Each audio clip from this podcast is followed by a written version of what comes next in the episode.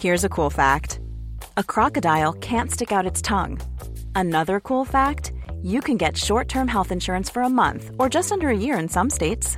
United Healthcare short term insurance plans are designed for people who are between jobs, coming off their parents' plan, or turning a side hustle into a full time gig. Underwritten by Golden Rule Insurance Company, they offer flexible, budget friendly coverage with access to a nationwide network of doctors and hospitals. Get more cool facts about United Healthcare short term plans at uh1.com. A lot can happen in the next three years. Like a chatbot may be your new best friend. But what won't change? Needing health insurance. United Healthcare Tri Term Medical Plans are available for these changing times. Underwritten by Golden Rule Insurance Company, they offer budget friendly, flexible coverage for people who are in between jobs or missed open enrollment. The plans last nearly three years in some states, with access to a nationwide network of doctors and hospitals. So, for whatever tomorrow brings, United Healthcare Tri Term Medical Plans may be for you. Learn more at uh1.com. There's never been a faster or easier way to start your weight loss journey than with PlushCare. PlushCare accepts most insurance plans and gives you online access to board-certified physicians who can prescribe FDA-approved weight loss medications like Wigovi and Zepbound for those who qualify. Take charge of your health and speak with a board-certified physician about a weight loss plan that's right for you. Get started today at plushcare.com slash weight loss. That's plushcare.com slash weight loss. plushcare.com slash weight loss.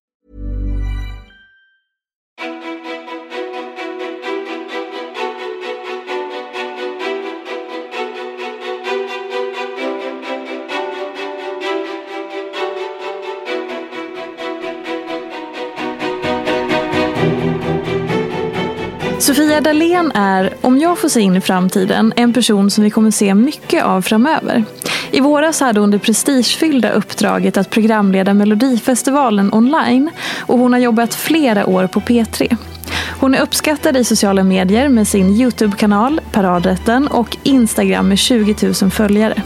Hon gör podden Widerström och Dahlén och sommarjobbar just nu nätter i P3 och P4. Bland annat. Hon gör ju mycket mer än så. Sofia uppskattas för sin humor och känns självklar i sin roll som programledare. Men vem är hon när lamporna slocknar? Hur hanterar hon press och en ganska osäker bransch? Vem är egentligen Sofia Dalén? Varmt välkommen till podcasten Ofiltrerat med mig, Sofia Peterfia Ståhl. Hej och välkommen! Tusen tack! Vilken fin presentation. Ja, men det ska du ha. Bra att vi har samma namn också. Ja, men eller hur. Det blir lite lättare så. Ja. Trots att jag då stavade fel på ditt namn hela tiden. När Ja. jag har skrivit intro och sånt. Det är the story of my life, men det är helt, helt lugnt. Men du, eh, jag tänkte så här. Först så vägrade jag pra- nästan prata med dig innan du kom hit och bara, jag vill inte prata av mig någonting först. Nej. Men så här, eh, för jag tänkte i, i våras då så körde du Melodifestivalen online. Mm. Eh, otroligt liksom, stort, omfattande, häftigt uppdrag ju. Och, eller? Ja, verkligen. Ja. Det har varit ett sånt drömjobb för mig. Ja. Både P3 och Melodifestivalen. Så jag är så himla tacksam att jag fått göra båda. Ja, så jävla mäktigt. Mm. Men och då tänker jag så här, hur var det att gå från det till lockdown, corona, allting ändrades och liksom, hur har det påverkat dig? Ja, det var väldigt speciellt för jag hade... Jag är lite så här slarvig person som... Jag har inte så bra framförhållning. Så jag hade inte liksom kastat ut massa krokar. För jag bara, men det löser sig. Nu gör jag mello och liksom... Jag kommer söka lite olika grejer och så. Men då blev det att alla andra också befann sig i den situationen. Tillsammans med hela mediebranschen. Som eh, ändå har funkat ganska bra på många sätt kände jag, alltså speciellt de som jobbar på SVT och SR. Det är väl de tryggaste egentligen. Eftersom att det är public service. Men då eh, fick jag tummen ur faktiskt att göra den här Youtube-serien Paradrätten. Som är att eh, jag bjuder in en gäst, vi lagar den personens paradrätt.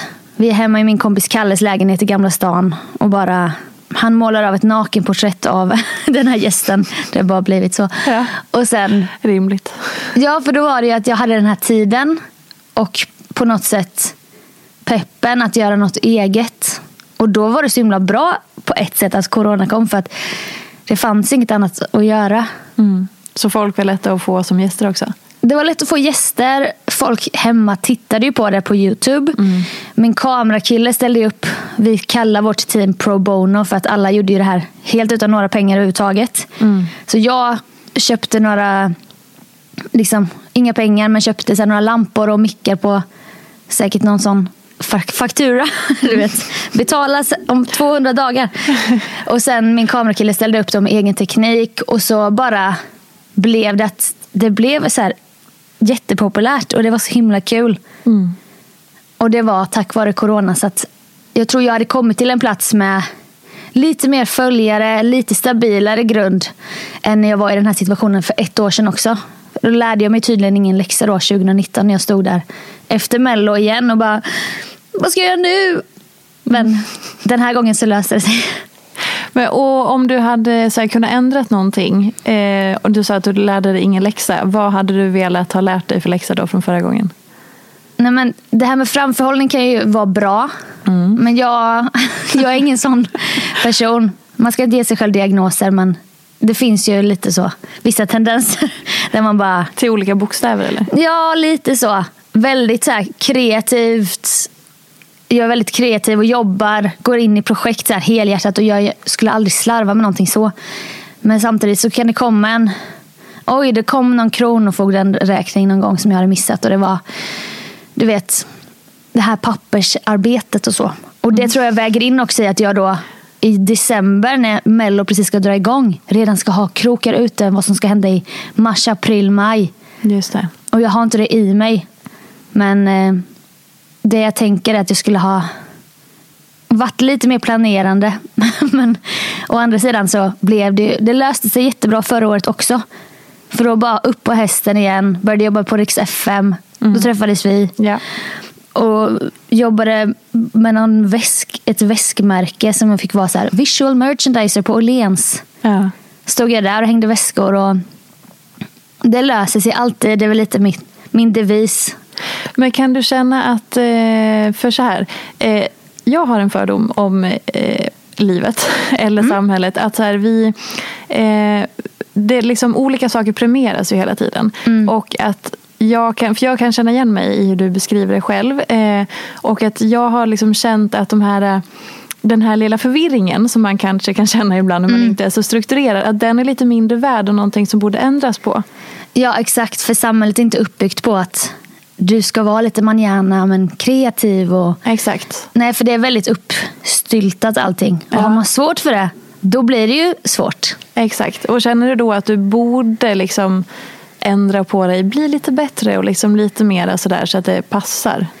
Ja, både och. Jag kan ju må lite dåligt över då såklart när det kommer en kronofogdenräkning för att jag är skriven hos min morbror som har fått massa räkningar som han har skickat till fel. Och just, alltså du vet, Det är bara massa slarv där som... Men det är jag van vid sedan hela mitt liv typ. Och så har jag väl vänt det lite som min... Det är min gimmick typ. jag är sån här.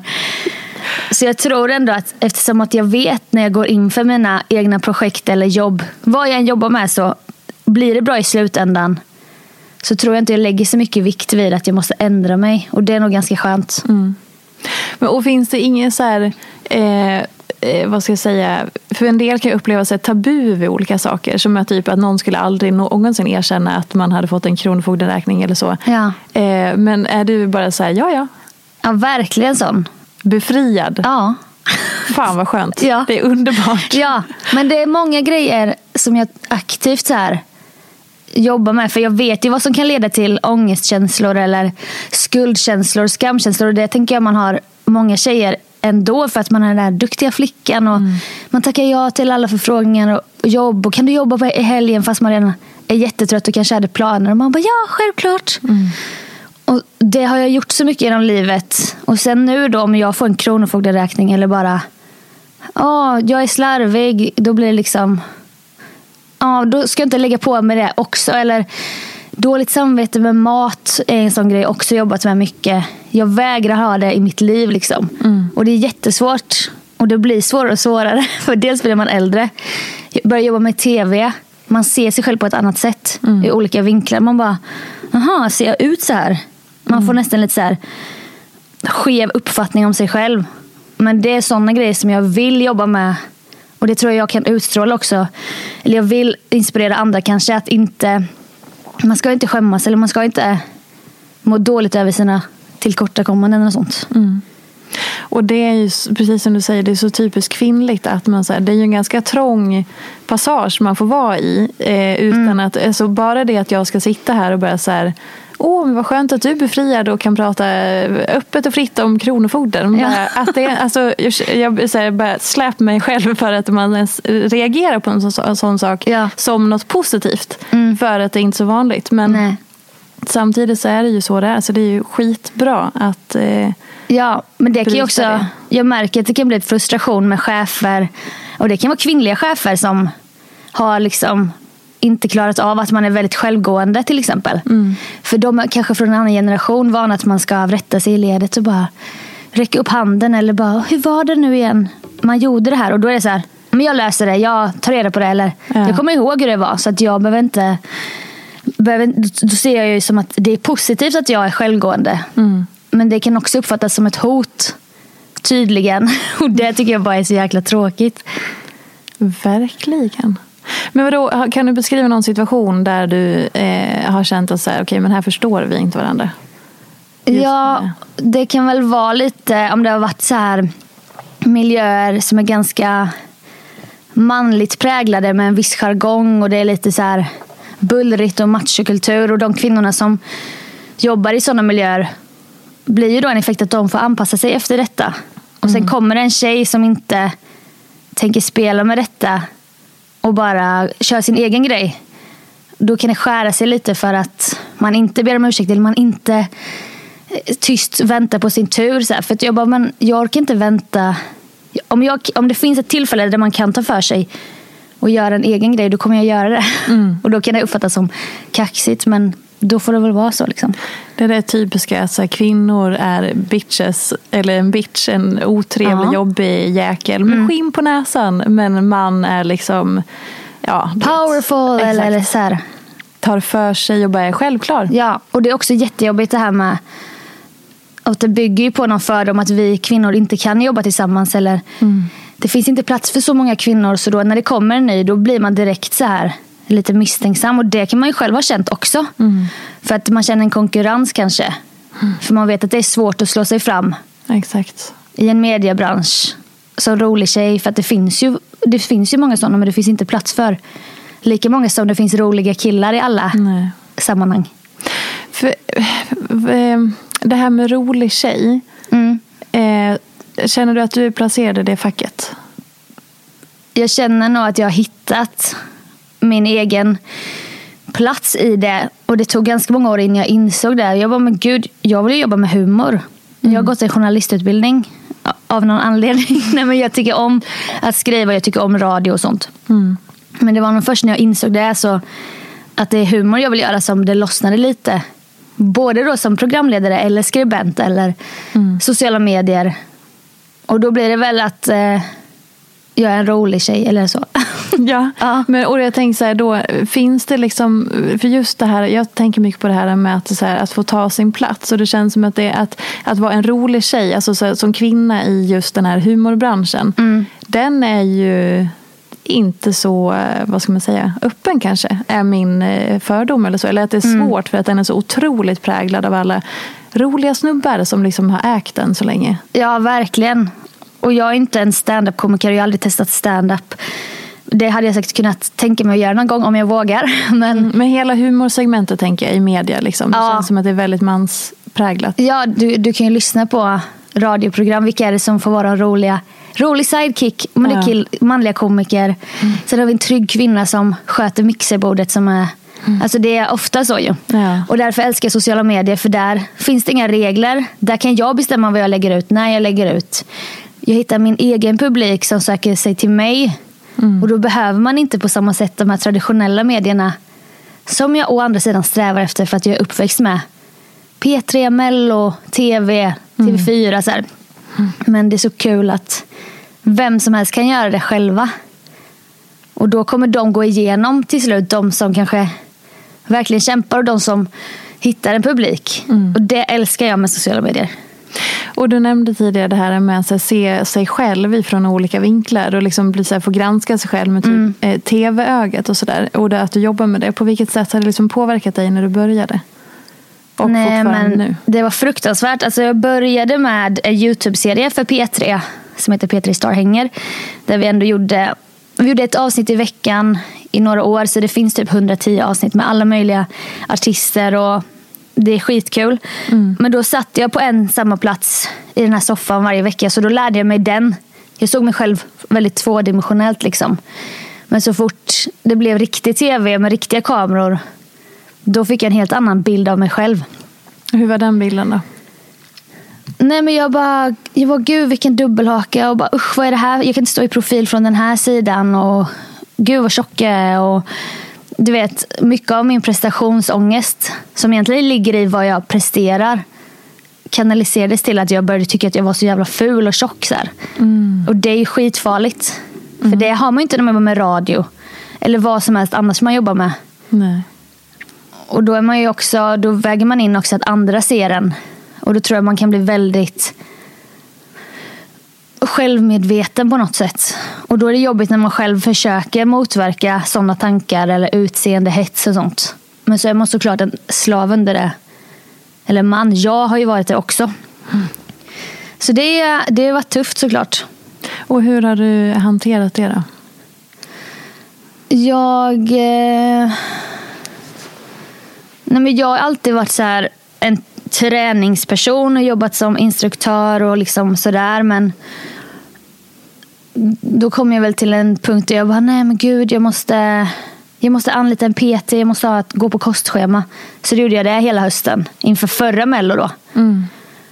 Och det gick skitbra allting men som med så mycket annat som är begränsat så går inte det att hålla till slut. Nej. Så nu är, det, nu är tillbaka på där jag började innan kostschemat. Men det är jag mycket väl, väl medveten om också. Och samtidigt så är det så här, jag har inte ens dålig självkänsla eller någonting. Så jag vet inte varför jag försöker spela efter de här idealen heller. Nej, men, och hur, för hur blir det liksom i... Eh, eh, eller vad ska man säga? Alltså just att här, starta en förändring utifrån de faktorerna. Att man typ ska bli godkänd av andra människor. Det, måste, det är så här... Nej, men det är, ju, det är inte alls en bra utgångspunkt. Nej, men det är, det, dels är det ju helt alltså, mänskligt såklart. För Mm. att det är ju en jävla position. Eh, och folk är ju elaka när de granskar och Och jag har, inte, men jag har inte ens hört saker från Nej. andra. Det mesta är ju från mig själv. Ja. Och det är väl ännu hemskare på ett sätt att man ska granska sig själv på det sättet. Mm. Mm, och då blir det ju... Sen kan det fortfarande vara att man vill göra en förändring och det kan man se som något positivt. Typ. Jag har hamnat någonstans där jag inte känner mig bekväm och det var så det var för mig. Och jag bara, har alltid varit en person som är väldigt aktiv och sånt. Så jag bara, men nu måste jag ta tag i det här. Typ. Och det var ju positivt. Men sen, om det finns i bakhuvudet hela tiden, den här utseende grejen. Då tror jag det kan bli destruktivt ganska snabbt. Verkligen. Och då kan det bli ångestrelaterat med mat till slut.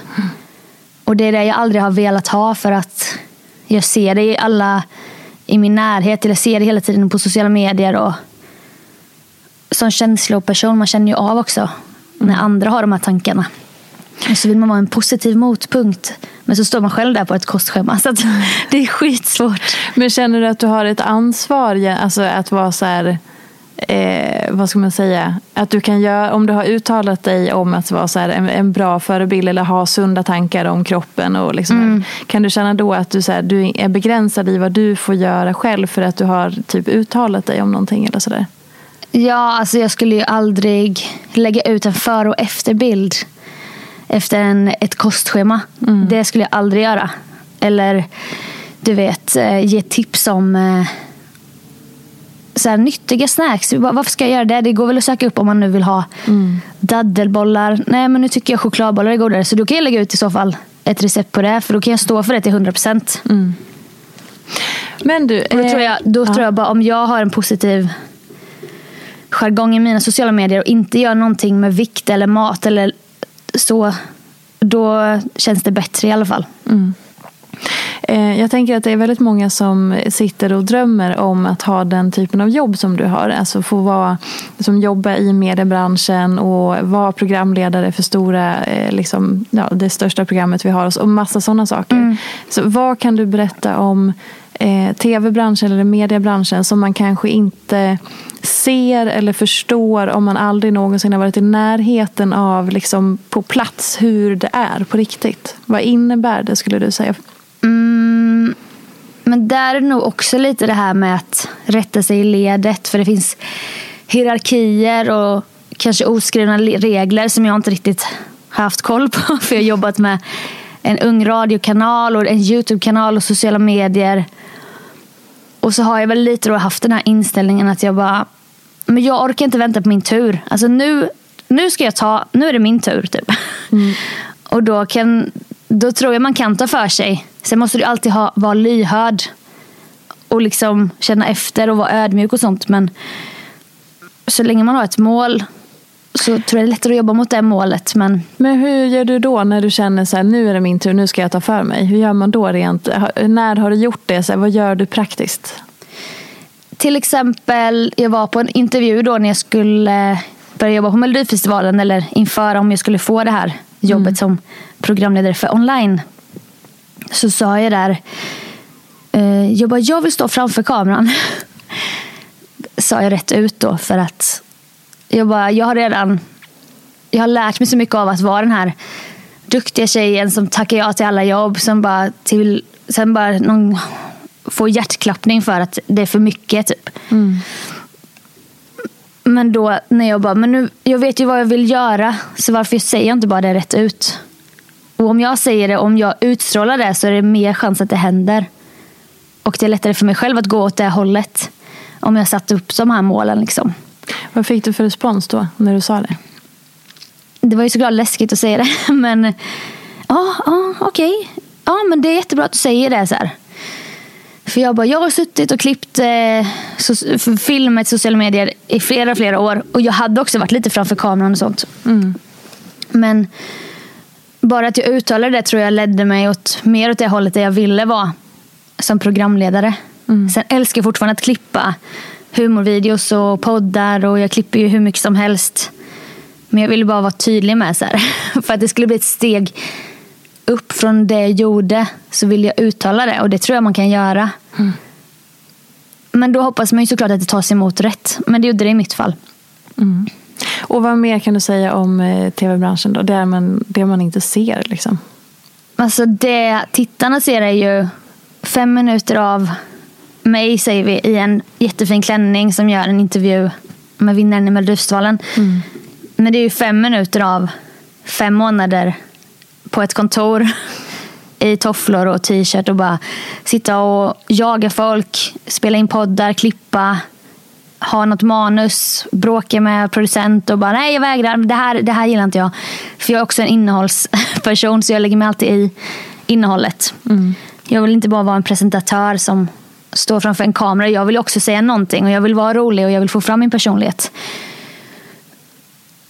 Och tv är väldigt mycket så, inte live-tv, live är alltid jätteroligt men inspelade program då är det så här, kom gående i den här korridoren och leta efter Jan Malmsjö. Man bara okej. Okay. så jävla löjligt. Man bara Jan Malmsjö. Är du här Jan Malmsjö? Nej vi får ta om det. Och så tar man om det tre gånger. Mm. Och det är inte en genuin prestation då kan jag känna. Det blir nästan som skådespel. Mm. Men för hopklipp sen så blir det jättebra. Men radio är roligare på det sättet för det sker direkt och här och nu. Medan tv är mycket stageat. Att du, du går från olika vinklar.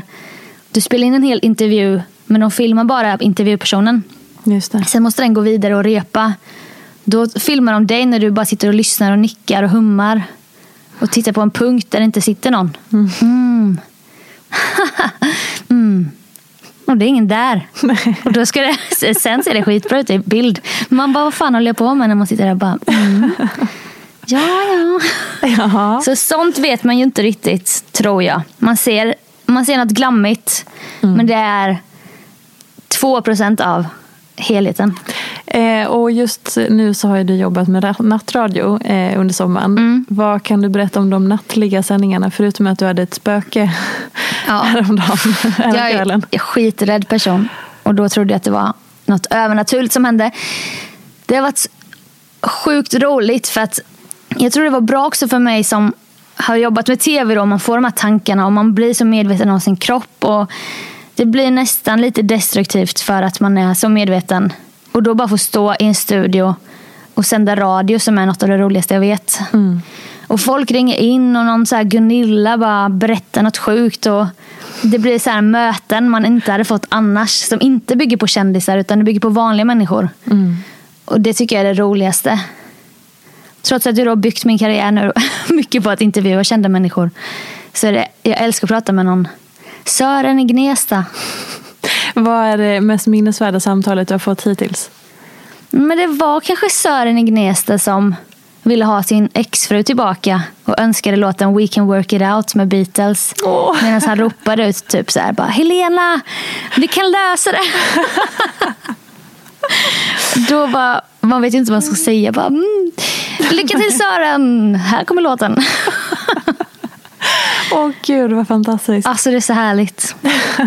Det är skitkul. Och ehm, Sören i Gnesta, det är fantastiskt. Shout out. Shoutout Sören. Okej, eh, och om vi ska ta en sista grej eh, som folk kanske inte ser, bara för att avsluta den. Så här, finns det någonting annat, så här, eh, också så här, hur är folk? För det tror jag att många tänker på. Mm, alltså jag älskar att jobba för man får kollegor. Och när man jobbar mer och mer frilans, och det känner väl du också, att det är så ensamt. Och hela våren har det ju såklart varit annorlunda med corona. Man har suttit inne, klippt paradrätten. Bara varit ensam med det där. Men annars älskar jag att ha kollegor. Men däremot inom mediebranschen så är det ju, finns ju alltid ett så här konkurrenselement. Det kan vara tjejer i din ålder och ni klickar jättebra men ni vill alla leda den här grejen eller få det här programmet. Och det är väldigt speciellt. Och det behöver inte betyda att det finns så här att det blir en negativ konkurrens. Utan man kan också peppa varandra i. Men gud, nu fick du det här. Gud vad kul för dig. Eller och nu fick jag detta. Och så firar man det liksom. Men jag har haft roligare på vanliga jobb. När jag jobbat på klädbutik eller restaurang. Eller, för det blir en annan, mycket mer avslappnad sammanhållning. Där man jobbar sam- framåt mot samma mål. Snarare än att jobba för sig själv. Just det. Och hur påverkas du av sådana liksom, situationer? Att det är lite den känslan? Det kan ju vara jättejobbigt.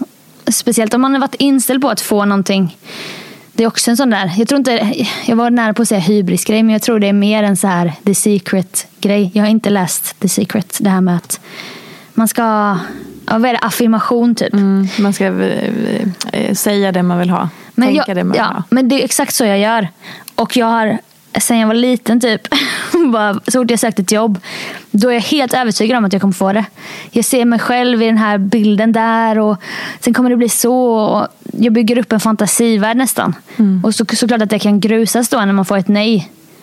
Och man blir helt tillbakaryckt till verkligheten och bara, men gud, jag fick inte, de vill inte ha mig. Det kan ju vara jättetufft. Men där, där är det väl också en klyscha då att det sker av en anledning. För om den här personen fick det jobbet jag ville ha. Då visade det sig att ett halvår senare efter jag hade hängt väskor på Åhléns eller vad jag nu gjorde. Fick något annat. Just det. Vad är det eh, som du har varit mest förbannad över att du inte har fått? Eller frustrerad eller tyckt var den största förlusten? Eh, ja, den, det var en så långtgående frustration över hur influencers har pre- premierats i en bransch där jag har en utbildning. Just det. Jag valde den traditionella vägen, då, journalistutbildning. För då kan jag skriva, jag kan jobba med tv, jag kan jobba med radio, programleda. I samma veva kom hela den här mycket så här Paradise Hotel och Big Brother och influencers blev hur stora som helst och fick de fick skriva krönikor. Eller de fick programleda. För att traditionell media då och fortfarande har en bild av att om någon har 500 000 följare på Youtube så kommer det överföras till att de kommer titta på den här tv-kanalen. Någonting jag inte är övertygad om att, att det stämmer. Men det är väl såklart en handling av att man, man ser nya profiler och man vill fånga dem så snabbt som möjligt. Och då har jag ju känt att jag, bara, men jag kan också göra det här. Men jag har inga följare att visa. En anställningsintervju kan få frågan i princip så här, hur många följare har du? Och det, det är värt någonting. Liksom. Så det är en stor anledning till att jag ens har jobbat med mina egna sociala medier för att ha det som grund. För det är mer värt än en journalistutbildning. Och det tycker jag bara är så sjukt. Det är ju en mm. otrolig alltså förändring. Ja. Ett skifte. Gud ja. Att man till och med på arbetsintervjun tycker att det är mer värt än en journalistutbildning. Det beror ju såklart på vilket jobb. Men om vi säger programlederi eller att stå framför ja. kameran så är det mer värt. Och hela branschen bygger på kändisskap. Så jag förstår ju det också. Men eftersom att jag älskar innehåll och jag älskar humor och manus och sånt. Då vill man ju kanske då, det blir så frustrerande när man vill vara en del av någonting men man är inte där än och man är aldrig där. Ah, du är inte riktigt där eller du är inte en profil. och Då blir det väl en känsla av att man har rättat sig i ledet. Man har skaffat studieskulder, man har gjort allting rätt. Man har skaffat en praktikplats där för att det ska leda till någonting. Och då sen inser då, nej men jag, jag måste skaffa ett eget följe. Och när jag väl har gjort det, det är då det börjar lossna för mig. Det är då mm. jag får fler förfrågningar. Så det är klart att det är frustrerande. Verkligen. Sen har det lett till också att jag inser då, oh, men det var humor jag ville göra. Eller det var när jag började göra sketcher som jag hittade mer min egen jargong eller min ton. Mm. Och det har hjälpt mycket med min självbild för att oh shit, jag, om jag visar att jag har en dubbelhaka, om jag inte bryr mig om vilken vinkel jag filmar, då blir det mycket roligare när jag gör den här karaktären. Och det är väldigt befriande. Fan vad viktigt. Mm. Det, jag tänker att, eh, för det, påmin, det pågår ju någon slags eh, trend nu, eller våg i sociala medier nu av att eh, folk bjuder mer och mer på, som du säger, så olika vinklar eller lite mer, mm. inte de mest perfekta bilderna och att man visar upp lite, lite annat också. Sen kan man ju såklart se för och nackdelar med alltihopa och sådär. Mm. Eh, men så, hur känner du överlag med liksom din plats i sociala medier i att Trivs du där eller känner du dig dit tvingad just för att du sa att så här, du måste ha det för ditt CV och vissa jobb du vill ha och sådär? Eller alltså jag, tycker du om det också? Jag trivs väldigt bra där nu när jag har hittat min stil eller min jargong och min publik. Och då är inte ens 20 000 följare någonting i det stora hela. Men det är ändå värt någonting. Mm. För jag får, jag får liksom bekräftat att det jag gör funkar eller är roligt. Och jag mäter ju mig mot den publiken hela tiden i vad som är roligt. Och jag lär mig jättemycket av det. I humorbiten till exempel. Men jag eh, försöker stå väldigt fast vid att lika mycket som jag älskar kläder och kan lägga ut en jättesnygg outfitbild för jag tycker på riktigt det är roligt mm. med kläder och stil och sånt. Så måste jag också med lika stor självsäkerhet lägga ut, kunna lägga ut en jätteful osminkad bild med värsta dubbelhakan och helt vinnögd eller jätte, man ser helt annorlunda ut i en karaktär och det som sagt var är väldigt befriande. Så just nu trivs jag väldigt bra i sociala medier men jag kollar liksom inte flödet. Jag scrollar inte igenom dem jag följer knappt. Jag kollar lite stories men jag kollar inte för mycket. Mm. För det vet jag påverkar mig. Jag avföljer 99% har jag avföljt alla fitnesskonton för att för mig har inte det haft med hälsa att göra eller välbefinnande utan det blir ytterligare ett ideal som är ouppnåeligt. Mm. Fast förklätt i att det är fitness och hälsa. Man bara, men jag kommer aldrig få en platt mage. Hur mycket jag än går på kostscheman, hur mycket jag än gör situps eller hur mycket än... Jag kommer aldrig få det och jag har aldrig haft det. Och bara att inse det och avfölja de här kontona har varit också så jävla skönt. Mm. Vad vill du säga till dem som är i sociala medier och som kanske inte är så... För du är väldigt medveten om... Mm. Liksom, du, du ser hur du påverkas och så tar du ett ansvar och så förändrar du. Och så, liksom, du mm. är medveten i sociala medier. Och jag kan uppleva att eh, många kanske inte är så medvetna utan man bara kör på och så är man där och så mm. märker man knappt att man påverkas. Vad skulle du liksom säga till någon som kan bara, hmm, just det, man kanske ska tänka på det på ett annat ja, sätt? Ja, men vad, man kan utvärdera varför man följer vissa konton och få det mig att må bra. När jag ser den här tjejen som är så jävla snygg om och om igen med den här kroppen som jag aldrig kommer ha eller som jag strävar mot men jag kommer aldrig dit. Varför ska jag ens följa henne då? Kan det räcka att jag avföljer? Och sen om jag vill ha inspiration till en outfit kan jag väl gå in där ibland. Om jag nu ens får inspiration. För jag tror det här ordet har utnyttjats eller använts fel nästan med Pinterest och Instagram och bloggar och allting. Oh, jag, vill, jag får inspiration. Eller är det bara att man får ännu mer dålig självkänsla eller känner sig ännu fulare eller det blir ouppnåeligt ju. Mm. Och det är farligt på det sättet för när vi växte upp var det ju tidningar och det är ändå ganska många steg ifrån den. Mm. Nu kan man få den i tidningen fast hemma från sitt vardagsrum. Och den visar så hur den äter på en dag. Och du lär känna den som en kompis. Mm. Och då är det nog svårare att märka att man blir väldigt påverkad. Oj, äter den bara så här på en dag? Ja, det betyder kanske att jag också borde göra det. Mm. För att känna mig mer som den här personen. Så jag tror att följa konton som man mår bra av. Konton som är ganska avdramatiserade. Som inte är så här, det perfekta flödet. Exakt. Eller bara perfekta visdomsord på engelska. Sen kan man bli inspirerad av det också. Men mm. inte se det som hela livet. Det som finns på Instagram. Nej. Eh, du sa tidigare att du, var, att du är eh, en person som tar in mycket, nämnde du lite sådär i förbifarten. Mm. På vilket sätt eh, yttrar det sig för dig? Nej men jag har väldigt så här, långa och många känselspröt. Mm.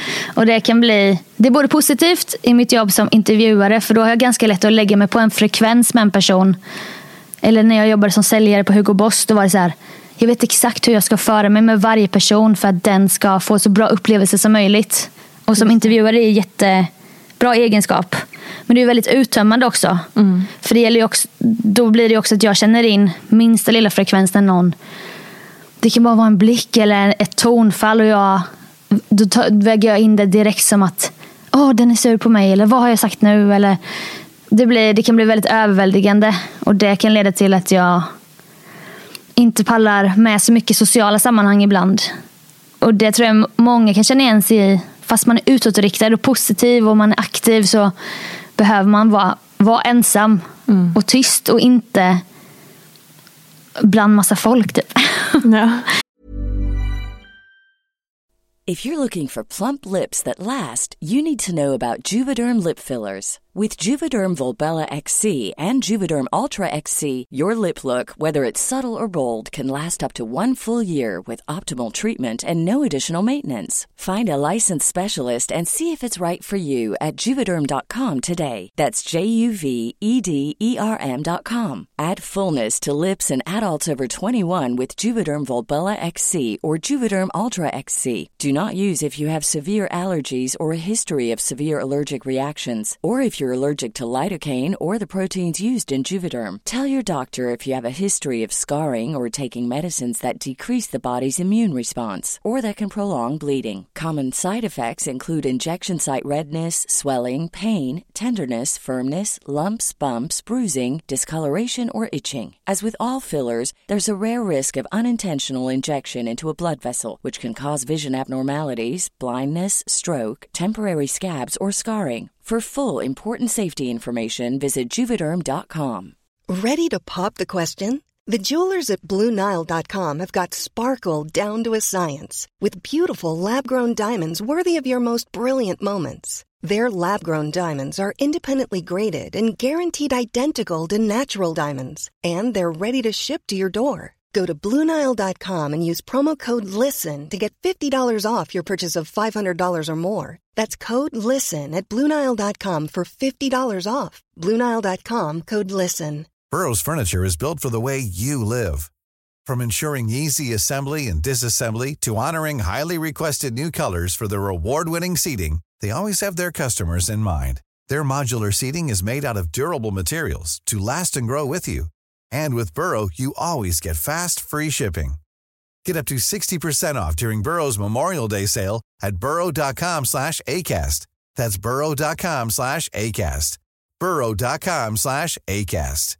This is Paige, the co-host of Giggly Squad, and I want to tell you about a company that I've been loving, Olive and June. Olive June gives you everything that you need for a salon quality manicure in one box. And if you break it down, it really comes out to $2 a manicure, which is absolutely insane. It's also so easy to get salon worthy nails at home with Olive and June. The difference between how your nails used to look when you did them yourself and now with the Manny system is a complete game changer. The best thing about Olive and June too is it's a quick dry, dries in about one minute, lasts for five days, and full coverage in up to one to two coats. Visit oliveandjune.com slash perfectmanny20 for 20% off your first system. That's oliveandjune.com slash perfectmanny20 for 20% off your first system. Men, och kan du känna då så här, eh, eller först, eh, hur yttrar sig det i, di, i dig, i ditt, i ditt eh, huvud, när, eller dig, i din kropp när det liksom sker? Så att det sitter en liten röst eller ser du dig själv utifrån? Eller hur, liksom, hur Nej, men- yttrar sig de här känslosprötena? Det går som genom ett filter typ. Och gud, nu hälsar inte hon hon kom till kontoret här. Nej, okej. Ah, då är hon på något humör. Kan det vara någonting jag sa igår? Är det någonting mot mig? Är det någonting allmänt? Du vet, det börjar sätta igång så här en... Så det är en aktiv dialog som ändå pågår som sätter ord? Eller Ja. sker den lite i förbifarten? Det är så, jag har inte riktigt tänkt på det på det sättet. Men, lite udda fråga. men- faktiskt, men det är faktiskt en bra fråga. Jag tycker det är väldigt spännande att se Ja. hur folk ser sig själva och hur man liksom upplever Men saker. det börjar nog snurra mycket i huvudet. Och detta har jag pratat med en annan person, en nära vän som är så högkänslig. Och han, han och jag kom överens om så att vi måste börja lägga folks beteende på dem själva. Det är inte på oss att den här personen kommer med en dålig attityd, inte hälsar, har liksom någon stämning. Då får jag ju tänka så här, ah, den här personen kanske har en dålig dag. Ja, den personen är stressad. Inte bara, vad har jag gjort för att... Alltså, jag snälla, allt handlar väl inte om mig. Men man kan ju bli så själv, Ja. självupptagen där och bara, åh, nu har jag gjort någonting fel igen. Ja. Nej, Sofia, det kanske inte handlar om dig alltid. Funkar det då i verkligheten? Det är jättesvårt. Ja. Om man är en sån, jag vet inte hur du är. Är du konflikträdd typ? Jag har varit hela mitt liv men eh, jobbet, måste ändå ge mig själv lite cred att jag har jobbat, inte bort det helt, men jobbat långt ifrån det. Har du gjort det själv eller med terapi? Eh, Allt. Ja. Terapi, coachning och eh, utsätta mig för saker. Liksom. För jag har aldrig gått i terapi men jag vet ju själv att jag skulle behöva det på olika sätt. Mm. Så det kan vara ett mål för mig att göra. Och nu har jag sagt det högt, vilket är bra. Ja. Eh, det är skitsvårt att lämna någons beteende hos den när hela livet har gått ut på att känna av och "Åh, nu börjar den bli eh, lite sur. Då ska jag spexa. Och så är man den här roliga i grunden då. Har ett behov av att uttrycka sig humoristiskt. Men där kan det också bli överdrift när det sker till följd av att någon börjar bli på dåligt humör. Just det. Det jag älskar mest att göra blir också så en förbannelse för att Ja, då drar, drar man igång igen då. Kommer du ihåg när det här hände? Men, skulle Som- du säga att du är rädd för tystnaden? Eh, ja, om jag upplever tystnaden som att någon aktivt har en mur eller fryser ut mig då, som jag tolkar det. Det tycker jag är skitjobbigt. Men jag har också jättesvårt att då konfrontera den personen. Bara, har jag gjort dig någonting? Det, bara det att fråga en sån sak kan ge mig ångest. Så då försöker jag ju gå in i det här uppmuntrande, snälla, glada, ställa frågor. Bara, hur gick det idag? Och, du vet, för att sen, om det blir ett energiskifte till slut, då känner jag det så tydligt och då har jag gjort någonting rätt som har muntrat upp eller tagit makt över situationen. Just Men det. Mm. så här, ska det vara på mitt ansvar? Men det är tydligen min lott i livet, eller det har varit så. Ja. Och jag har inte kommit dit där du säger att du ändå har utvecklats för att det skulle jag också jättegärna vilja. Så då, eh, då skulle du ändå säga att du är konflikträdd? Ja, gud ja. Konflikter är det, är det värsta. På hur ehm, hur liksom hanterar du en konflikt? Om man, om man tar från att så här, eh, nu hittar jag på ett scenario här. Du eh, märker att någon är lite sur, men eh, du vet inte riktigt, men du får den känslan. Och sen så till slut så blir det så att någon säger, jo Sofia jag är arg för det här och det här och det här. Och, det här. och så blir det typ en diskussion och ett bråk. Vad, kan du ta oss med genom alla olika stadier du upplever? Det första som händer då, om någon skulle säga så, är det att det kommer en kall dusch. Eller du vet, man ryser genom hela kroppen. Ja. Man, blir helt, man känner sig som att allt blod lämnar ansiktet. Men sen ganska kort därefter så kommer det inte bli en diskussion eller konflikt. För jag kommer lägga mig platt. Jag kommer be om ursäkt. Fast, jag Mm. Fast kanske du i, flera gjort. dagar senare kommer känna frustration över att jag också kanske kände mig behandlad på ett visst sätt. Jag kommer bara svälja det, lägga mig platt och be om ursäkt. Mm. Och det kommer aldrig bli bråk. Jag har aldrig bråkat med någon. Alltså jag har aldrig skrikit med någon eller Så då tar du på dig ett ansvar oavsett vad som har hänt för att slippa konfrontationen? Ja. Men sen beror det på om personen är en... Eh, om jag känner mig väldigt trygg med personen. Då har jag nog lättare att ta ett samtal i efterhand. Så här. Men du vet väl att... eh, jag upplevde det kanske som att eh, att det inte alls var så som du upplevde det utan min intention var ju såklart att jag skojade eller du vet vi har ju den här jargongen och då och då kanske du upplevde det, du vet då försöker jag reda ut för att också kunna stå på mig eftersom att jag vet att inget av det jag gör har ju en ond avsikt. Mm. Skulle jag aldrig, och det tror jag de flesta, så snälla vi är ju inte onda människor. Men ibland skulle jag nog behöva stå på mig mer för att det skulle nog utveckla mig väldigt mycket. Och vad händer då om du blir arg? Ja, det händer inte så ofta faktiskt. Jag är en väldigt oarg person. Men, men, tror du att du är det eller att du har lärt dig att inte vara arg men att det finns situationer som ändå så triggar någon slags Ja men gud det måste det ju. Men såklart jag har blivit triggad av grejer genom livet.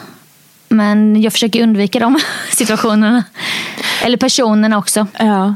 Ja, men för jag tänker också det här liksom, som du återkommer till, att lägga sig platt. Då är det ju som att man inte riktigt får känna det man känner och vara den man är. Och liksom så här, här, precis som när du beskriver på jobbet. Mm. Är det skillnad på jobbet? Ja, ja. Alltså, det, det, det, det, det var det jag bara, nu får jag inte riktigt ihop Nej, det här. Alltså, på jobbet är jag, en, där, jag bryr mig inte om konflikter där. För där är jag stenhård. Det är så här, jag vet att detta är bäst. Och, inte att jag inte är lyhörd men jag är stenhård på jobbet. Ja. Och jag vet folk som har lärt känna mig via jobbet har sagt så här. Jag var jätterädd för dig i början. Jag trodde du var en sån tuff person. Jag bara, men va? Jag är ju ett lamm typ. men så har de inte alls den bilden av mig. Men detta gäller ju privata situationer. Då är jag ju världens räddaste. Mm. Och bara får sån riktig ängslan. Men när det väl sker grejer där jag känner att jag inte fått ur mig vissa grejer, då har jag i alla fall några jag kan prata med om allting. Och där är det helt filterlöst. Må, då får jag ut det som en terapi nästan. Mm, just det. Men det är problem såklart när man inte kan ta det med vissa personer. Tror du att eh, det här är någonting som du eh, som verkligen behöver... Alltså, om det skulle fortsätta så här tills du är 73. Mm. Hur tror du att du hade känt inför det? Att, att det här beteendet liksom följer med dig genom livet? så? Nej, men jag... Eh, det vill jag nog inte. Men samtidigt så bara har jag så svårt att se att jag någon gång kommer kunna vara helt orädd inför. Sen så ska man, man ska ju kunna bli rädd också. Det låter som att jag är så rädd för att känna in saker. Men eh, jag vet inte bara hur det skulle ske, typ en förändring. Det känns som mycket en del av min grundperson det här med att vara så positiv och inte ha konflikter och sånt. Men, men är det samma jag vet ju också sak? att det är ett problem. typ. Är det samma sak att vara positiv och att inte ha konflikter? Kan man inte vara både positiv och kunna reda ut konflikter? Jo, säkert. Men jag kan inte det. jag bara, allt är bra och det är jättefrustrerande. Alltså ett ex till mig var så här. Han behövde trigga igång ett bråk. Och vi bråkade jättemycket. Mm. För han visste mina triggerpunkter tror jag. Och när det väl blev att jag flippade. Han bara bra, nu säger du vad du känner. Nu får jag veta vad du har tänkt på i flera veckor typ. Just det. Det krävdes en sån explosion för att jag skulle känna att jag, nu bara skiter jag i allt. Nu säger jag allting vad jag har byggt upp typ. Sen var det en relation som inte var bra på många sätt för att det var ganska obalanserat och lite destruktivt så men där kunde jag ändå ha stunder där jag var helt hudlös. Och det sker väldigt sällan. Måste jag ändå säga. Är det, men hur upplevde du den känslan då när du verkligen så här var hudlös och exploderade? Nej men det var så ovanligt. Just för att det sker så sällan. Ja. Någon gång slog jag sönder en så här flipphone jag slog en mobil i väggen så att den gick i två bitar. Jag bara, skönt. Jag bara, jag bara, vem är den här personen? Jag har just förstört en sak. det, alltså det var så jäkla konstigt. Men då måste det ha skett under så, du vet, trigga, trigga, trigga tills... Mm. Och sen, ja. Men och då rent objektivt eh, så kan jag tänka så här, är det inte bättre att säga det när det är en liten grej så att det inte växer? Alltså att det är mindre farligt. Vänta, så här. Eh, att, att det känns mindre läskigt att säga någonting som är en fjäder till, innan mm. det byggs upp och blir en höna och man jo. exploderar. Jo. alltså att det är läskigare att typ explodera än att ja. säga små saker typ. Men då har jag tänkt att en småsak, det kan jag bara svälja då. Eller bara skitsamma. Ja, just det. Den, eh, den, hade, den var på det här hum- humöret. Mm. Eller jag vet att jag kan skoja lite väl. Och vissa kan inte hantera det på samma sätt som andra. Ja, ja. Vi är vänner nu, du vet. Just det. Men såklart att det, vissa grejer kan ligga och gnaga som man bara vill få ur det. Men då är det också så här, nu har det gått för lång tid. Det är inte så att jag kan ta upp det nu och bara du vet eh, 2017 när vi eh, hade det här samtalet. för vissa grejer kan jag ju bära med mig då länge. Just det. Och det kan ju vara jobbigt. Lite långsynt. Nej men jag, jag är ju inte det på det sättet att jag, för jag kommer ju aldrig konfrontera den. Förlåt, det heter väl inte Långs- långsynt? Långsint. Jag tänkte också det, jag bara, heter det där? Jag bara såg en syn så... Ja. Jag ser långsint mer som att man bär med sig ett agg som man visar typ. Att man inte kan Just det. förlåta. Mm, just det. För mig är det nog mer som små sår typ. För att jag har känt mig sårad. Och då om jag inte... Och då kan jag med vissa personer bära med mig detta. Och det är, så, det är ju såklart en effekt av att man inte talar ut. Och det är inte alls bra. Men du verkar ändå ha väldigt mycket insikt i allt det här. Trots att Ja. du inte har bearbetat det typ genom terapi och sånt. Ja. Nej men jag, jag tänker ju också så här skryt bara, jag tänker så mycket. Det gör ju alla såklart. Nej men jag är väldigt överanalyserande med vissa grejer. Eller analyserande. Och jag tycker det är så intressant med så här, "Ja, men varför, varför kände jag mig så ful och tjock på den här intervjun när jag inte gjorde det dagen innan? Ah, jag hade inte fått eh, tillräckligt med hjälp med vad jag skulle ha på mig. Utan det var- låg på mig det ansvaret. Ah, och det betyder att det gick ut över min prestation. För jag kände inte att jag kunde göra mitt jobb innehållsmässigt. När jag fick ta med mig en klänning som jag hade på ett bröllop för två år sedan. Som skulle vara med i tv. Alltså du vet. Just det. Och då försöker jag reda ut knutar och det kan ju vara skönt. För det kan även hjälpa, hjälpa om jag sitter på tunnelbanan någon gång och bara Jag är på lite dåligt humör. Jag bara okej, varför är jag det? Ehm, det här är ju bra med detta och detta. I och för sig hade ju det här samtalet, eller jag hörde ju detta för några timmar sedan. Ah, det är det jag bär med mig nu. Okej, hur, kan jag, hur kan jag släppa detta?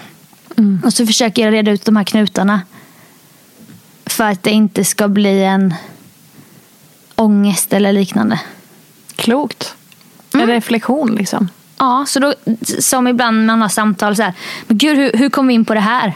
Så försöker man tracka tillbaka. Bara, ja, just det, så berättade ju du det här om Grekland och då sa jag ju Ja. likadant när man kanske då man har en känsla. Man bara, men gud, vad är det här för känsla? Och så försöker man gå tillbaka och då kan man släppa det ibland. Kommer du gå i terapi då? Det vill jag gärna göra. Ja, det vill jag. Hur länge har du velat det? Nej men de senaste åren, men det är nog att jag bara, men jag har ju inget stort trauma eller du vet, eh, jag lider väldigt lite av psykisk ohälsa.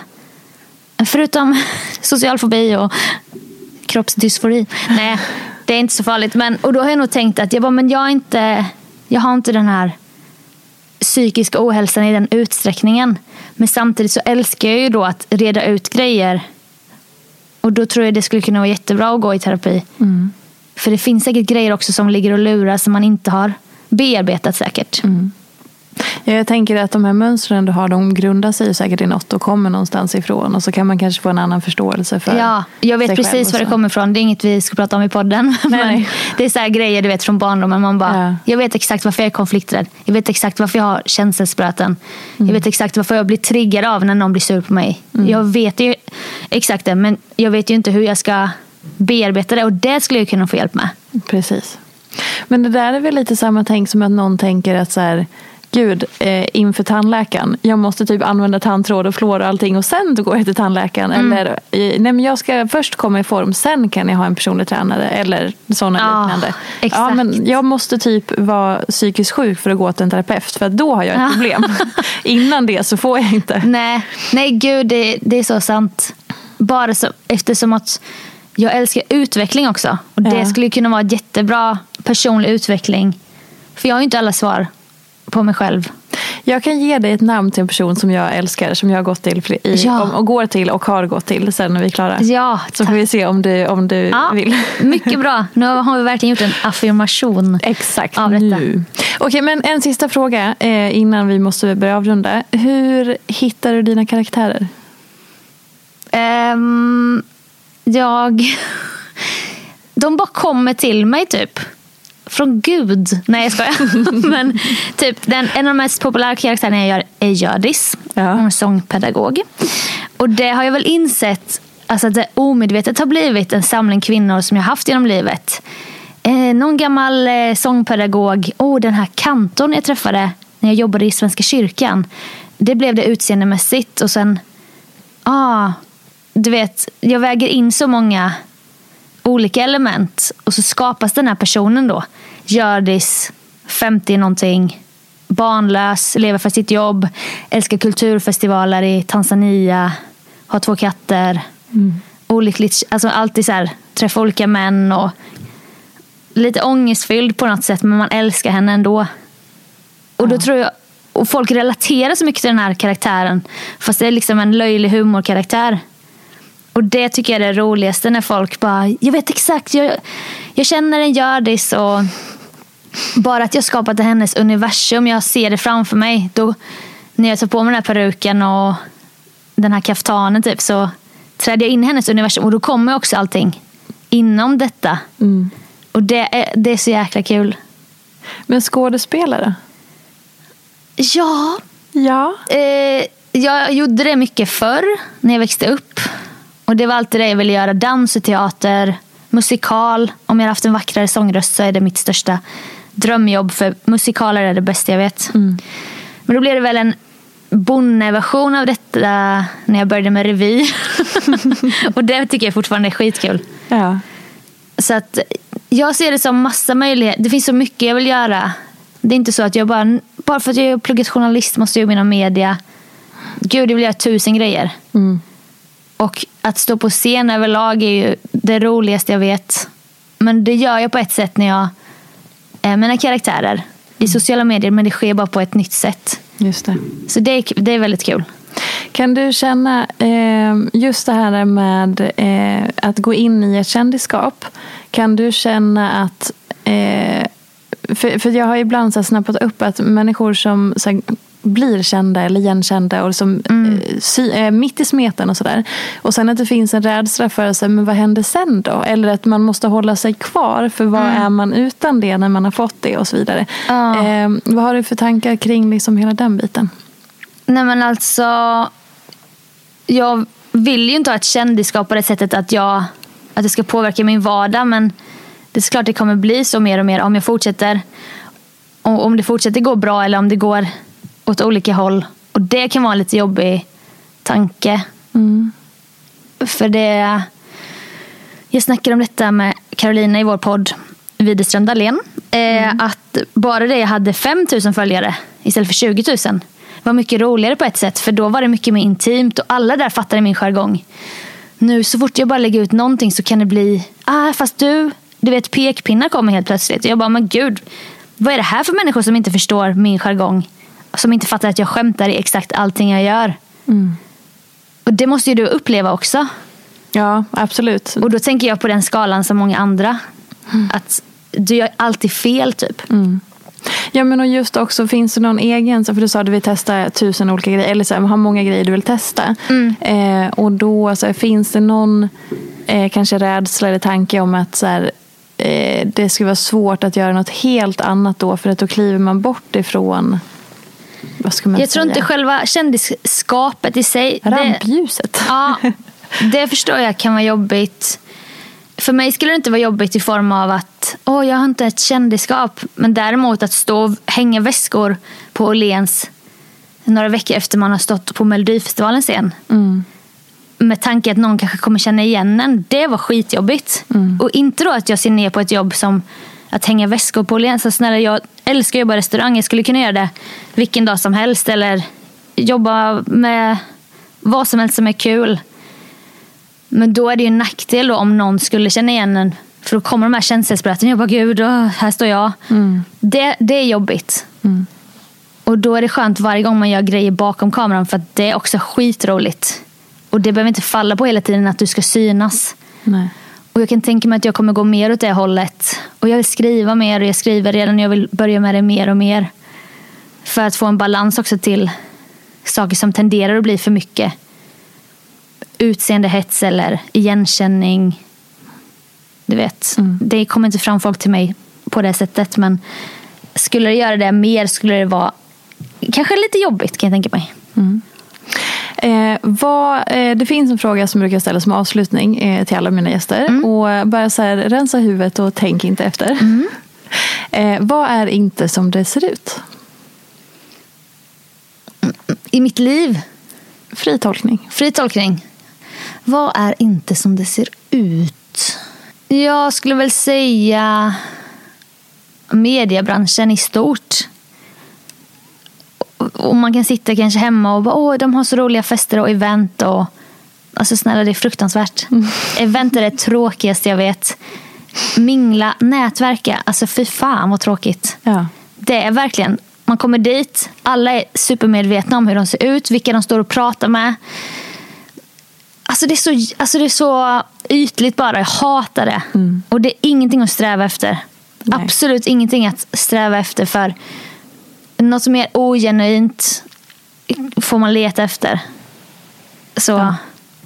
så länge man hittar någonting man genuint brinner för, vad det än är, så kommer det vara mycket bättre än någonting man ser på Instagram Ja. i något annat ljus eller genom ett filter. För att det till största sannolikhet stämmer inte.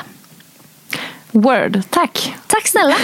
Och eh, ja, då följer vi dig på Instagram, Sofia Dalén. Och fortsätter mat, eh, jag vill säga paradrätten. Kommer det säsong två här till hösten. Underbart. Med många nya härliga gäster och nakenporträtt såklart. Och podden Underbart. Widerström Dahlén. Perfekt. In och lyssna, in och följ, in och titta. Och så ser vi dig kanske mer i Mello och andra sammanhang för- Ja, vi får se. Mycket spännande. Tack för att du kom. Tack snälla, det var jättekul. Lyssna på nästa veckas avsnitt också. Men puss och kram så länge. Hej då!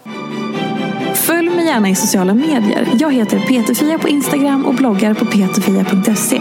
Vill du komma i kontakt med mig så gör du det på info.peterfia.se. Jag vill rikta ett stort tack till Acast för studie och stöttning och ett stort, stort tack till geniet Elin Sjödén som klipper den här podcasten.